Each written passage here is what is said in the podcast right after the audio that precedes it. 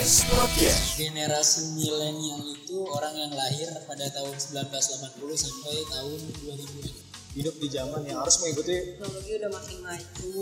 Mereka yang besarnya kalau teknologi Iya sih pasti anak milenial ini pasti identik sama sosmed karena uh, namanya hidup selalu dinamis dan kayak sosmed itu kan juga selalu berkembang ketinggalan zaman dan sosmed sebagai bentuk eksistensi kita emang kayaknya nggak mungkin banget deh anak milenial sekarang tuh nggak punya sosmed Kalau gue sih eh, lebih prefer ke berdasarkan pengalaman pribadi orang. Yang pasti kan udah tahu testimoninya kayak gimana. Oke, kita udah dengar beberapa komentar dari generasi-generasi milenial di, di luar sana dan mereka juga eh, ngasih beberapa insight apa apa sih milenial mungkin dari mereka di generasi mereka apakah mereka bangga disebut milenial. Tapi eh, hari ini di episode keempat di DS Podcast kita udah kedatangan narasumber dari Daily Sosial sendiri dia adalah seorang eh, konten marketing spesialis, benar? Oke, konten marketing spesialis dan bernama Juli Andrian. Iya, halo. Kurang kencang? Halo. Oke. Eh, Mas Juli, Oke. selamat datang di DS Podcast. Oke, terima kasih Mas Abi. Eh, ini eh, debut pertama ya jadi narasumber di DS Podcast dan Mhm. gua terima kasih sekali sudah dibantu sama Mas Juli. Dia kerjaannya banyak banget. Dia meluangkan waktu untuk DS Podcast. Terima kasih. Oke. Eh, kita kan tadi dengar ya Mas Juli ya eh, tanggapan dari teman-teman yang berada di generasi milenial. Eh, dari pengetahuan eh, Juli sendiri nih sebagai bisa dibilang lu generasi milenial ya. Ya, gue termasuk generasi millennials juga. Iya. Eh, millennials tuh apa sih kira-kira kalau dari lu sendiri gitu?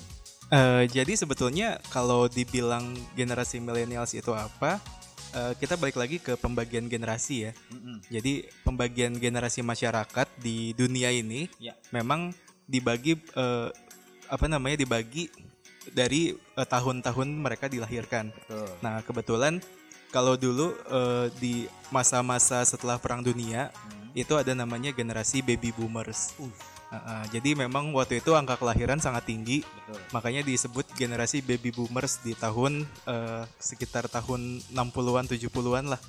Eh, batasnya berarti sampai 70-an. Aha. Nah, kemudian ada lagi yang namanya generasi X. Iya. Generasi X ini adalah generasi yang ketika di tahun 90-an mereka udah eh, beranjak dewasa. Nah, kalau generasi milenial sendiri ini ada cakupannya nih. Betul. Cakupannya ini adalah dari tahun 1981 sampai 1994 sebetulnya. 1994. Tapi ada juga yang mengatakan bahwa eh, batas Sampai 2000-an. Iya batasnya itu sampai 2000-an tapi eh, kalau misalnya dari berbagai sumber juga ada yang bilang kalau generasi eh, tahun 2000-an 96 sampai sekarang Mm-mm. lahirnya itu udah masuk ke generasi Z.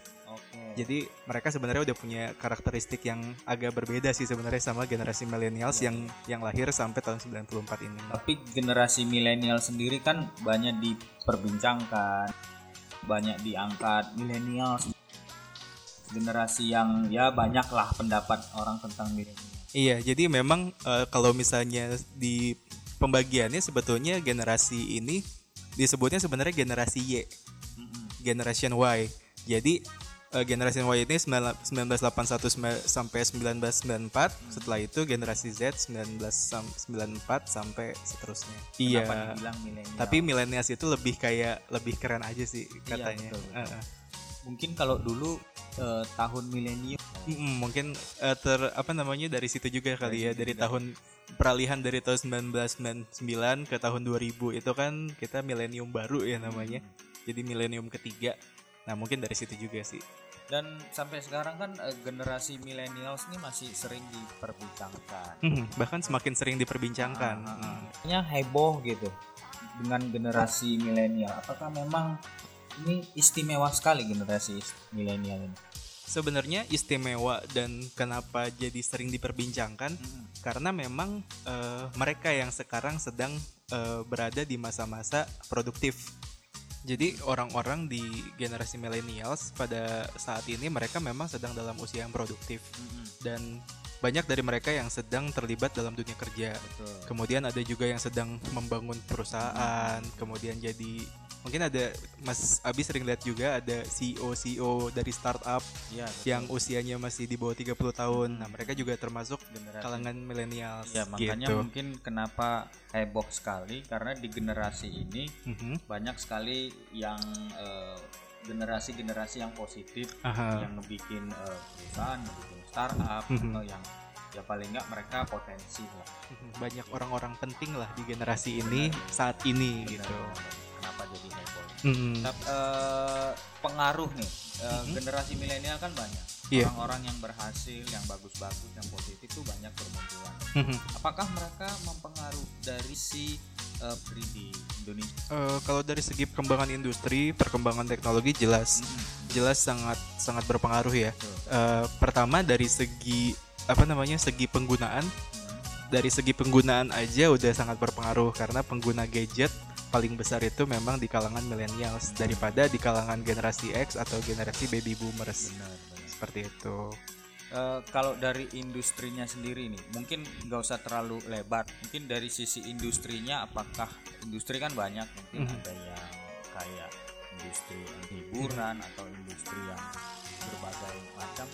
Ada info nggak atau ada yang bisa lu sharing? Industri apa sih yang mungkin dikembangkan di generasi milenial? Mhm. Jadi yang kayak tadi gue bilang sih, jadi memang kita sering dengar kan bahwa dari startup sih terutama di perkembangan industri di dunia teknologi, eh, industri startup kebanyakan memang diisi dan dibangun oleh anak-anak muda. Jadi nggak heran kalau misalnya kita sering dengar bahwa CEO-nya tuh masih umur 30 tahun Betul. atau mungkin di bawah 30 tahun Mhm. dan CEO, co-foundernya, kemudian CTO, CMO dan segala macamnya bahkan sampai eh, apa namanya karyawannya, manajer-manajernya, terus kayak pokoknya pegawainya semuanya berasal dari kalangan generasi milenial. Oh gitu. Gitu. Jadi memang eh, industrinya mereka yang sedang terlibat dalam dunia industri dan ya mereka sangat berpengaruh dalam perkembangan industri terutama di bidang eh, teknologi. teknologi. Gitu. startup. Iya, tapi kalau Nah, kalau misalnya di industri yang eh, yang lain kayak pertambangan perminyakan gitu gue sendiri kurang ngerti. Ya tapi kal- kalau sepengetahuan gue kalau di industri teknologi memang sangat berpengaruh besar sih. Sangat banyak orang eh, sangat banyak kalangan dari generasi milenial yang terlibat di situ. Betul betul. Termasuk kita ya. Eh, dari perkembangan industri banyak dipengaruhi oleh oleh eh, generasi milenial. Generasi milenial itu kan eh, bukan dari sisi gua dan lu juga masih berbeda. Kita ambil eh, generalnya aja. Nah dari karakteristik generasi milenial itu seperti apa sih? Mungkin dari sisi general bukan dari sisi pribadi. Ya jadi kita mandangnya ya mungkin bisa dijadikan sama lah. Menurut ada nggak? Sebenarnya kalau yang gue sering baca-baca dan sering gue dengar juga dan mungkin gue alami sendiri ya eh, generasi millennials itu lebih cenderung suka hal-hal yang praktis. Betul. Yang praktis yang instan dan yang online. Betul. Gitu. Jadi kayak apa namanya munculnya teknologi gadget ya terutama smartphone itu benar- benar-benar eh, secara secara langsung secara langsung dan tidak langsung mempengaruhi karakteristik generasi millennials ini dan secara langsung membentuk generasi millennialsnya juga sih gitu. Jadi karakteristiknya ya mereka suka hal-hal yang instan yang praktis yang cepat yang nggak online mau ribet. Nggak mau ribet. Nggak jadi mau capek juga ya. Uh, uh, kayak dulu uh, kita kalau misalnya mau naik taksi Hmm. Uh, kita kan mesti nunggu di pinggir jalan kemudian atau Nyetop kita sendiri. nyetop sendiri atau kita nelfon gitu kan. Hmm. tapi sekarang dengan adanya yang apa namanya layanan transportasi on demand yang secara online kita bisa tinggal pesan aja dari smartphone kita.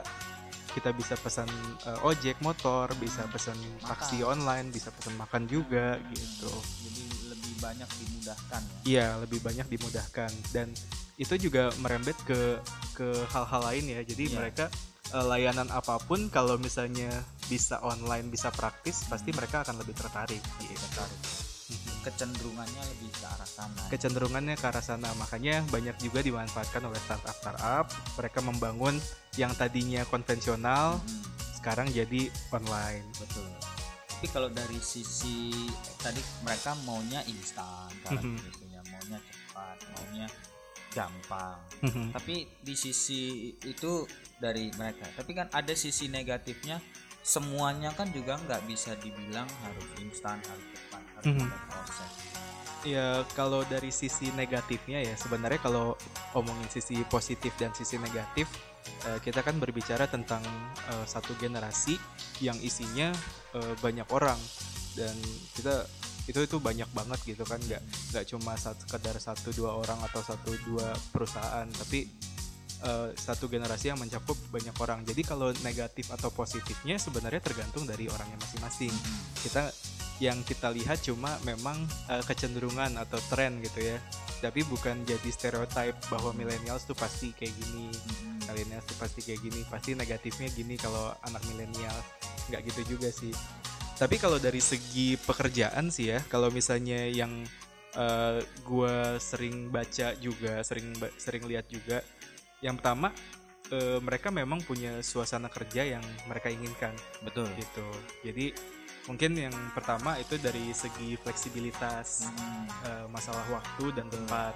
Jadi kayaknya nggak bisa dikekang ya mereka Iya. harus jalan pulang jam nggak bisa ya. kalau misalnya generasi dulu kan memang eh, kayak apa-apa tuh disiplin ya Mm-mm. jadi kalau misalnya kantor buka jam 9 pulang jam 5 mereka datang jam 9 Betul. dan jam 5 pasti pulang kalau anak millennials justru lebih suka yang fleksibel Betul. jadi mereka mau kerja datang jam berapa kemudian mereka mau kerjanya di mana jadi eh, memang banyak dari mereka yang nggak selalu kerja di kantor kan Betul. bisa bawa laptop sendiri Remote. kemudian di kafe di rumah gitu kan kerja sendiri Eh, tapi yang penting kerjaannya kelar ya jadi memang anak milenials ini eh, bukan nggak disiplin ya cuma mereka memang lebih suka hal-hal yang fleksibel Betul. karena di samping mereka ngerjain kerjaan mereka bisa tetap melakukan hal lain hobi mereka mungkin traveling mungkin makan mungkin apa kayak gitu gitu jadi memang generasi milenials ini cenderung eh, menyukai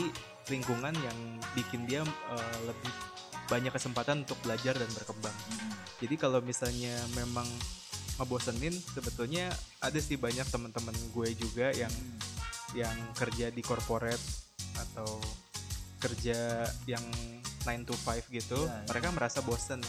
Terus kemudian mungkin karena lingkungannya kebanyakan orang tua juga atau kebanyakan yang kaku gitu mereka ujung-ujungnya ngerasa bosen dan akhirnya mereka mau pindah juga kadang-kadang agak agak susah gitu karena mungkin ter, ter apa namanya terhambat oleh kontrak kemudian memang gajinya sudah besar gitu ada klaim dari teman-teman ya ada klaim gue juga baca dari beberapa informasi dari eh, online Mhm. bahwa generasi milenial itu diklaim tidak loyal terhadap perusahaan. Nah, Mhm. gue setuju nggak setuju juga. Tapi menurut Juli nih, Mhm. Sebenarnya bukan nggak loyal ya. Kalau kalau kebanyakan sih mungkin kalau loyal dan nggak loyal tadi memang eh, nggak bisa dibikin stereotip ya. Jadi mungkin ada orang yang memang nggak loyal tapi ada orang juga yang loyal gitu. Pasti ada kok yang loyal. Dan sebenarnya kalau misalnya dibilang nggak loyal karena sering pindah-pindah kerja mungkin Eh, itu kalau menurut gue sendiri sih bukan karena nggak loyal sama perusahaannya tapi yang tadi si millennials ini memang lebih cenderung menyukai ketika ada tantangan baru dan ada kesempatan untuk belajar dan berkembang jadi ketika mereka eh, lagi bekerja di suatu perusahaan mungkin kemudian mereka ngelihat ada tawaran baru nih yang kira-kira bikin mereka lebih bisa berkembang dan bisa banyak belajar seperti itu mereka kayaknya eh, generasi milenial ini nggak bisa monoton. Ya nggak bisa monoton dan ketika ada kesempatan mereka juga nggak mau nyanyiin kesempatan. Betul. Beda sama generasi sebelumnya eh, di baby boomers atau di generasi X. Mm-mm.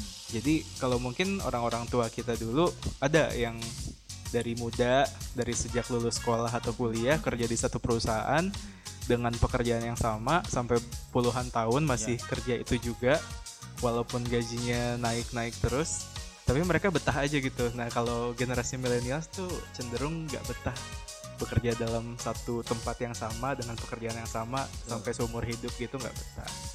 Gitu. Jadi ketika ketika ada kesempatan untuk pindah dan belajar menemukan hal baru mereka nggak akan ragu untuk cabut gitu sih. Betul, betul, betul. Mm, jadi sebenarnya nggak loyalnya tuh bukan eh, sebenarnya kalau misalnya mereka pindah dari satu perusahaan untuk kemudian ke perusahaan yang baru yang lebih menjanjikan eh, bukan dari loyalitas ya tapi sebenarnya kesempatan.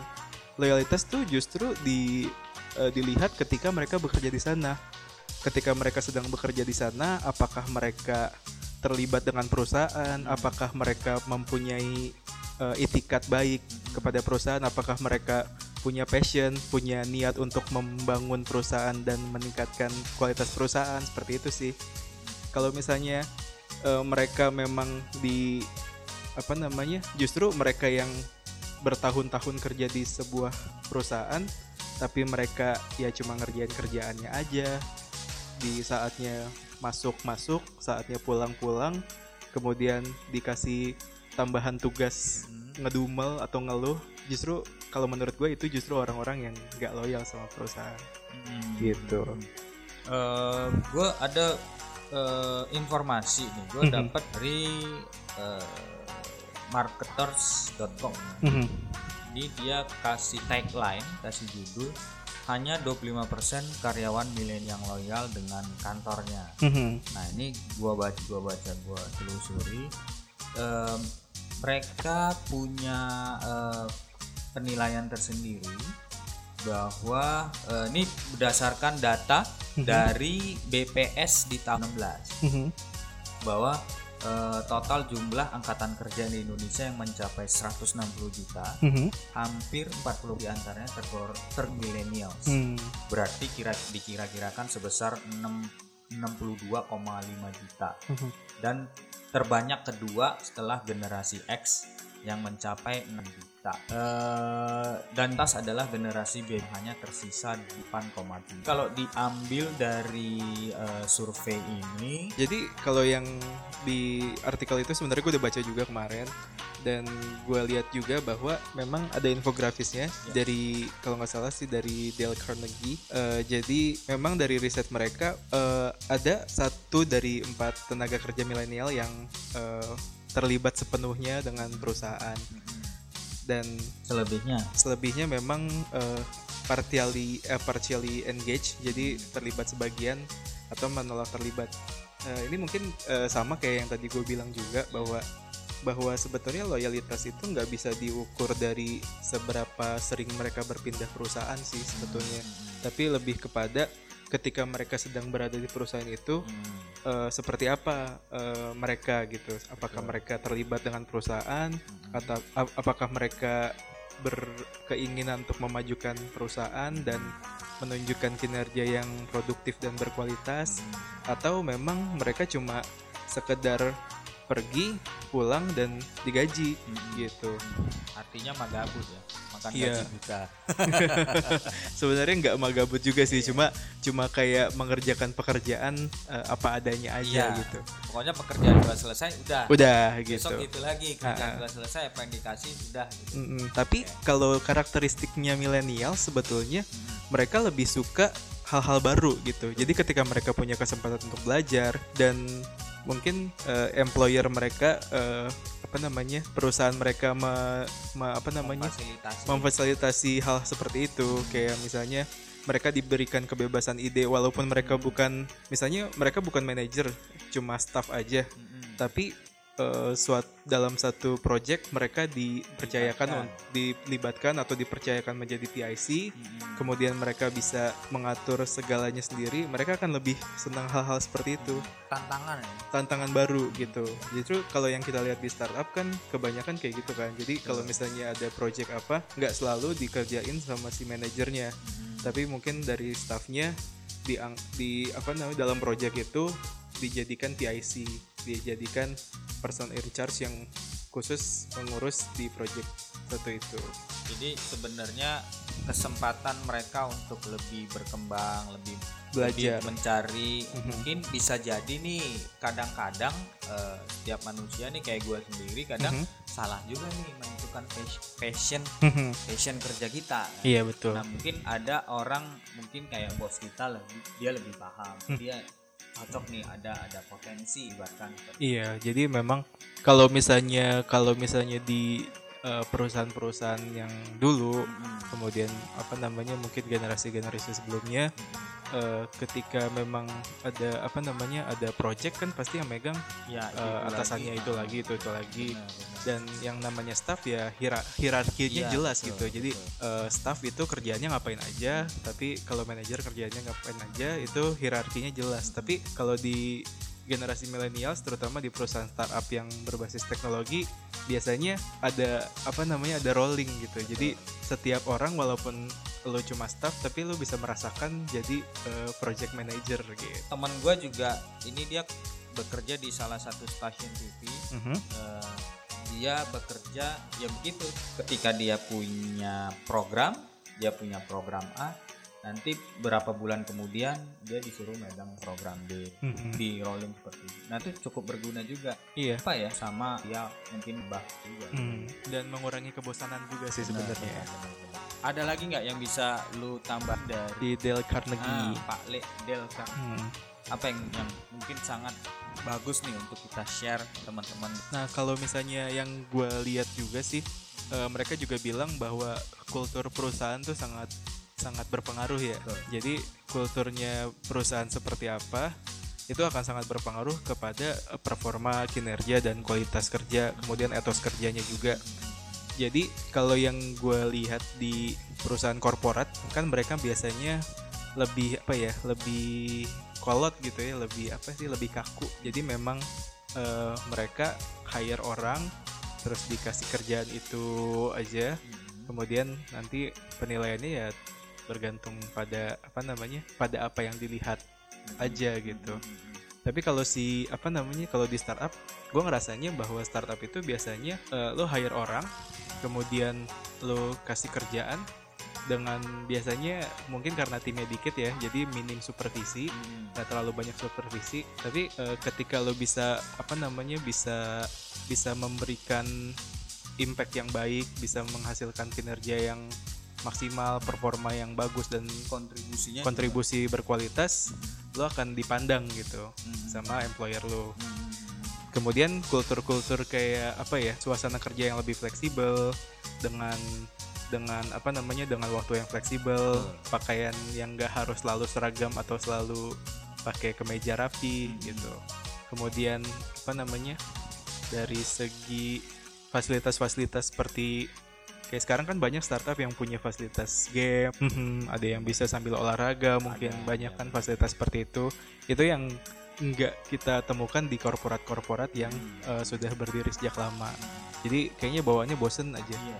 Nah, tapi kalau si walaupun si millennials ini dikasih fasilitas banyak kayak gitu, kayak startup-startup kita kan kita kan sering lihat di DS Tour kita juga ya di video DS TV. Eh, kadang-kadang host kita suka nanya nih kepada eh, si pemilik startup atau atau foundernya gimana sih dengan fasilitas yang banyak ini dengan fasilitas yang memanjakan pegawai ini? Apakah mereka jadi lebih termotivasi kinerjanya lebih bagus atau malah jadi males? Gitu. Dan kebanyakan kebanyakan itu mereka bilang justru lebih lebih bagus kinerjanya.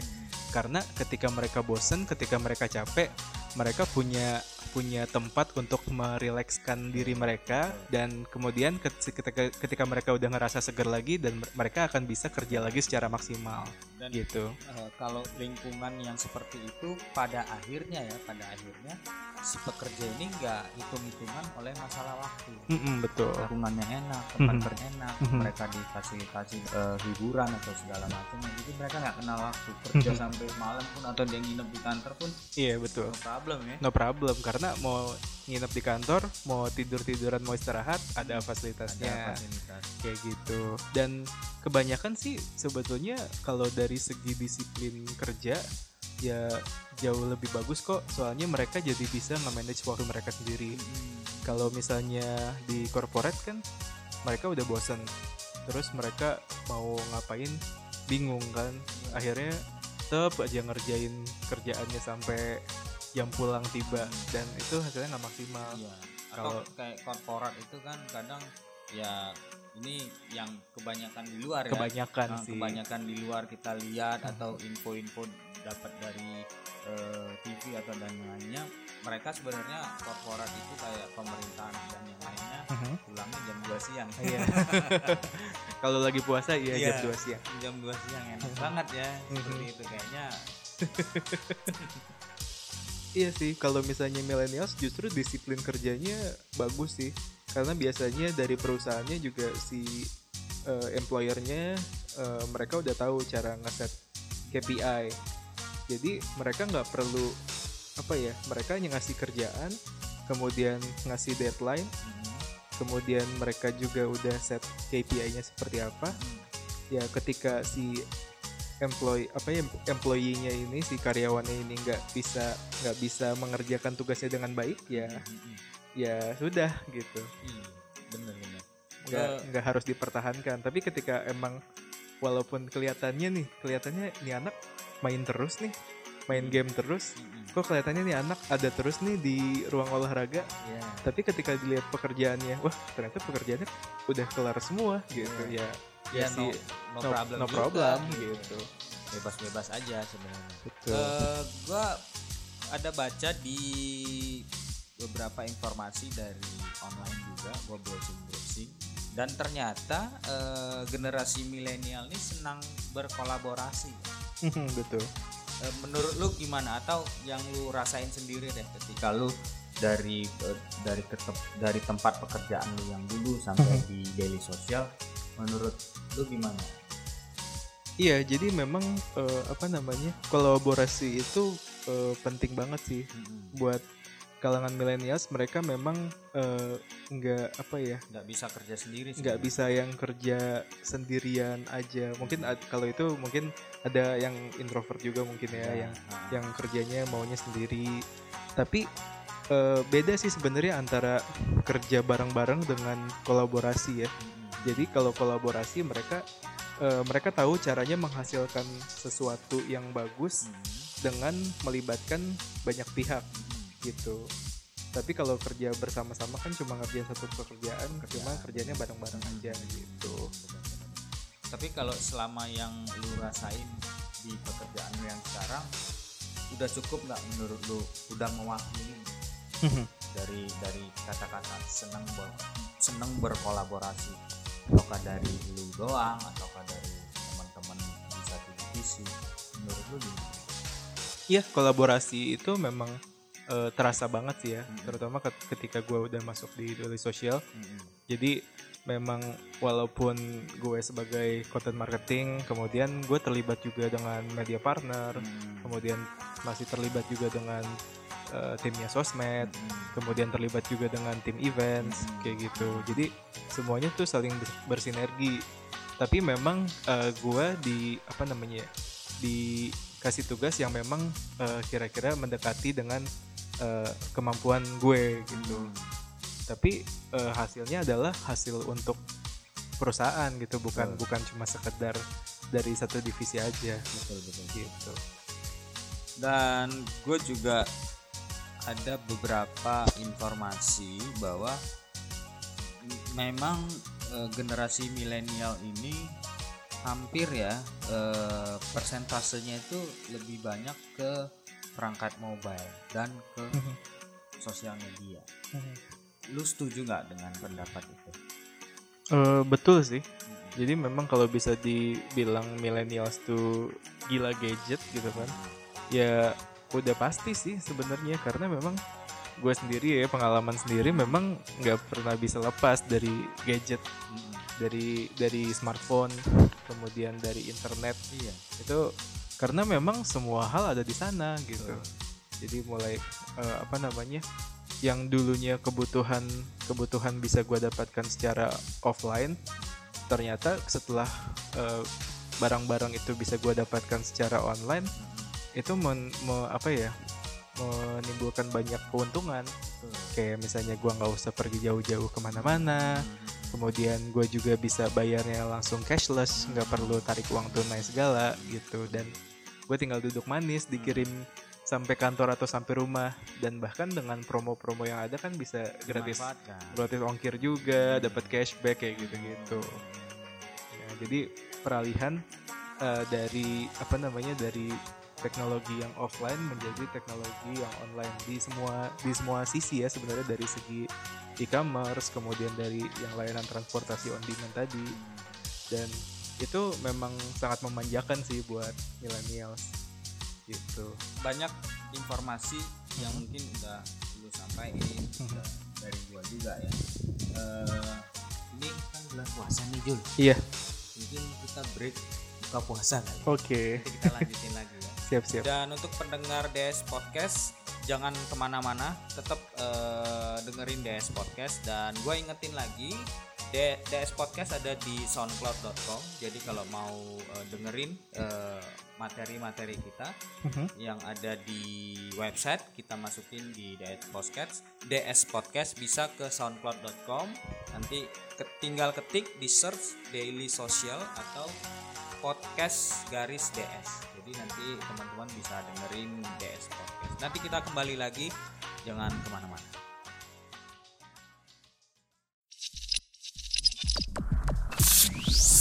Follow us dailysocial.id. Subscribe to Daily Social TV. Ya, kita kembali lagi di DS Podcast di hari ini di episode keempat. Jadi sebelum kita masuk ke pembahasan berikutnya, gua ada tanggapan dari teman-teman di luar sana yang mengaku katanya generasi milenial seperti apa.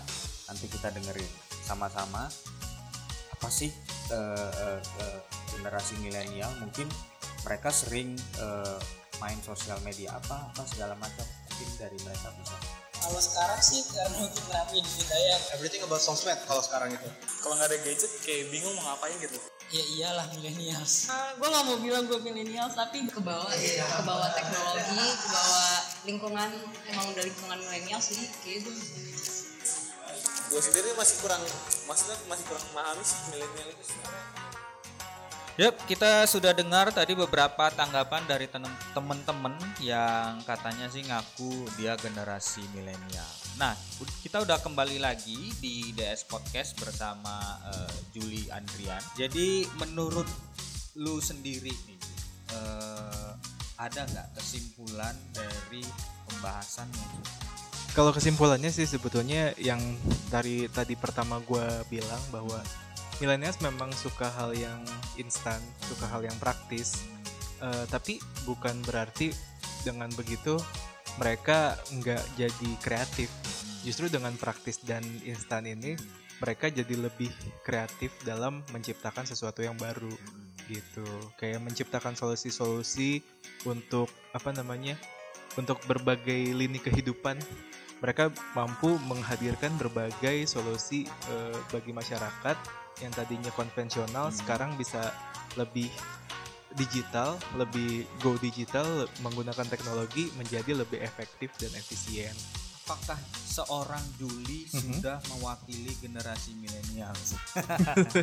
nah, itu tuh. Lu udah mewakili nggak generasi milenial? Coba. Eh kalau gue sendiri sebetulnya memang salah satu sa- salah satu bagian dari generasi milenial sini. ya. Jadi memang sebelumnya gue sangat bersyukur ya gue dilahirkan Mhm. menjadi gue dilahirkan di tahun eh, segitu Mhm. gue dilahirkan sebagai seorang eh, di dalam cakupan generasi milenials karena yang pertama gue bisa mendapatkan eh, akses informasi yang lebih banyak daripada generasi-generasi sebelumnya Mhm. atau kemudian gue juga bisa lebih memanfaatkan teknologi Mhm. dengan baik Mhm. daripada generasi sebelumnya Iya. juga kalau dulu kan mungkin orang-orang tua kita eh, mau ngapa-ngapain mau belanja mesti Iya. mesti ribet Main, main manual. manual gitu tapi sekarang gue udah yang eh, online udah cashless kayak gitu-gitu kan jadi leb- hidup lebih praktis dan lebih mudah buat gue jadi gue bisa melakukan lebih banyak hal daripada hal-hal yang eh, konvensional gitu Betul, betul. Eh, terakhir nih buat Juli, gua nanya satu aja. Lima huruf mewakili millennials. Dari lu apa? Millennials itu ini punya enam huruf deh enam huruf boleh. Eh, Negosiasi ternyata. Oke, siap. Enam huruf apa itu? online. Online. Iya. Oke. Kalau begitu eh, terakhir ini kita eh, penutup Mhm. dan gua sangat berterima kasih sekali. Terima kasih juga. sudah mau ikut berkontri- berkontribusi di DS Podcast Mhm. putar pengetahuan tentang milenial. Karena kan dia ada di zaman milenial. Terima kasih Juli. Terima kita kasih. ketemu lagi mungkin di episode berikutnya dengan pembahasan yang berbeda. Oke. Terima kasih kepada pendengar DS Podcast dan gue ingetin sekali lagi untuk pendengar DS Podcast jangan lupa juga selalu eh, pantengin terus. Atau di Facebook juga ada di Daily Social. Di, di, di Twitter juga ada di @dailysocial. Terus di Instagram jangan lupa di @dailysocial underscore ID terus kita juga punya Daily Social TV di YouTube. Ada DS Cushion ada DS Tour ada Open Box ada Tech 5 ya. Jadi banyak sekali. Dan jangan lupa ada DS Podcast juga di soundcloud.com di Daily Social. Jadi terima kasih. Kita ketemu lagi di episode berikutnya di DS Podcast